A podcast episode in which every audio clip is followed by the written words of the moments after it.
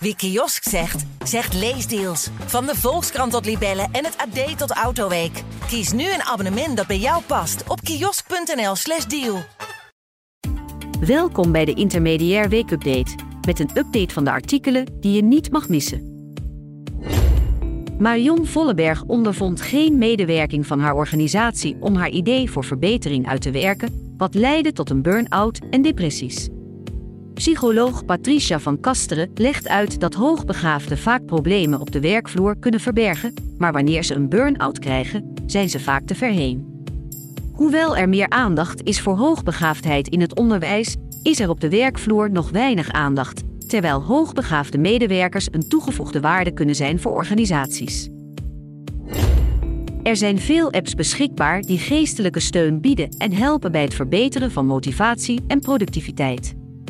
Hoogleraar Philippe Delespol juicht deze technologische ontwikkelingen toe, maar benadrukt het belang van diversiteit in opties en het rekening houden met evidence-based adviezen.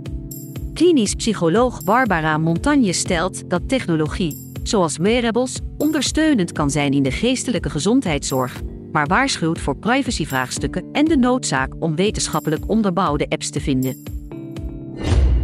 Zes jaar geleden kreeg Rosanne van Mil op 28-jarige leeftijd een burn-out, wat leidde tot onbegrip en pijnlijke opmerkingen van haar omgeving.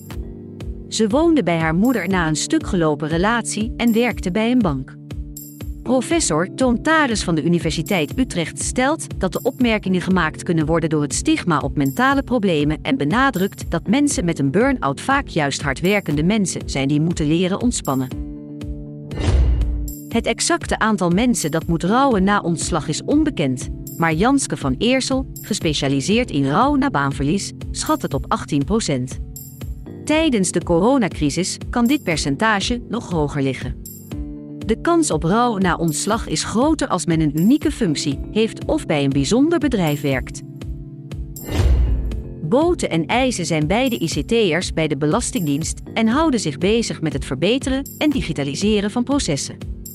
Boten werkte voorheen als chemisch analist en kwam via een traineeship bij de Belastingdienst terecht, terwijl IJzen zijn carrière bij de Belastingdienst startte na zijn HBO-studie in ICT. Beide IT-professionals benadrukken de stabiliteit en ontwikkelingsmogelijkheden bij de organisatie en geven aan dat hun werk dynamisch en afwisselend is. Dit was de weekupdate van Intermediair. Lees en luister alle artikelen via intermediair.nl. Wie kiosk zegt, zegt leesdeals. Van de Volkskrant tot Libellen en het AD tot Autoweek. Kies nu een abonnement dat bij jou past op kiosk.nl/slash deal.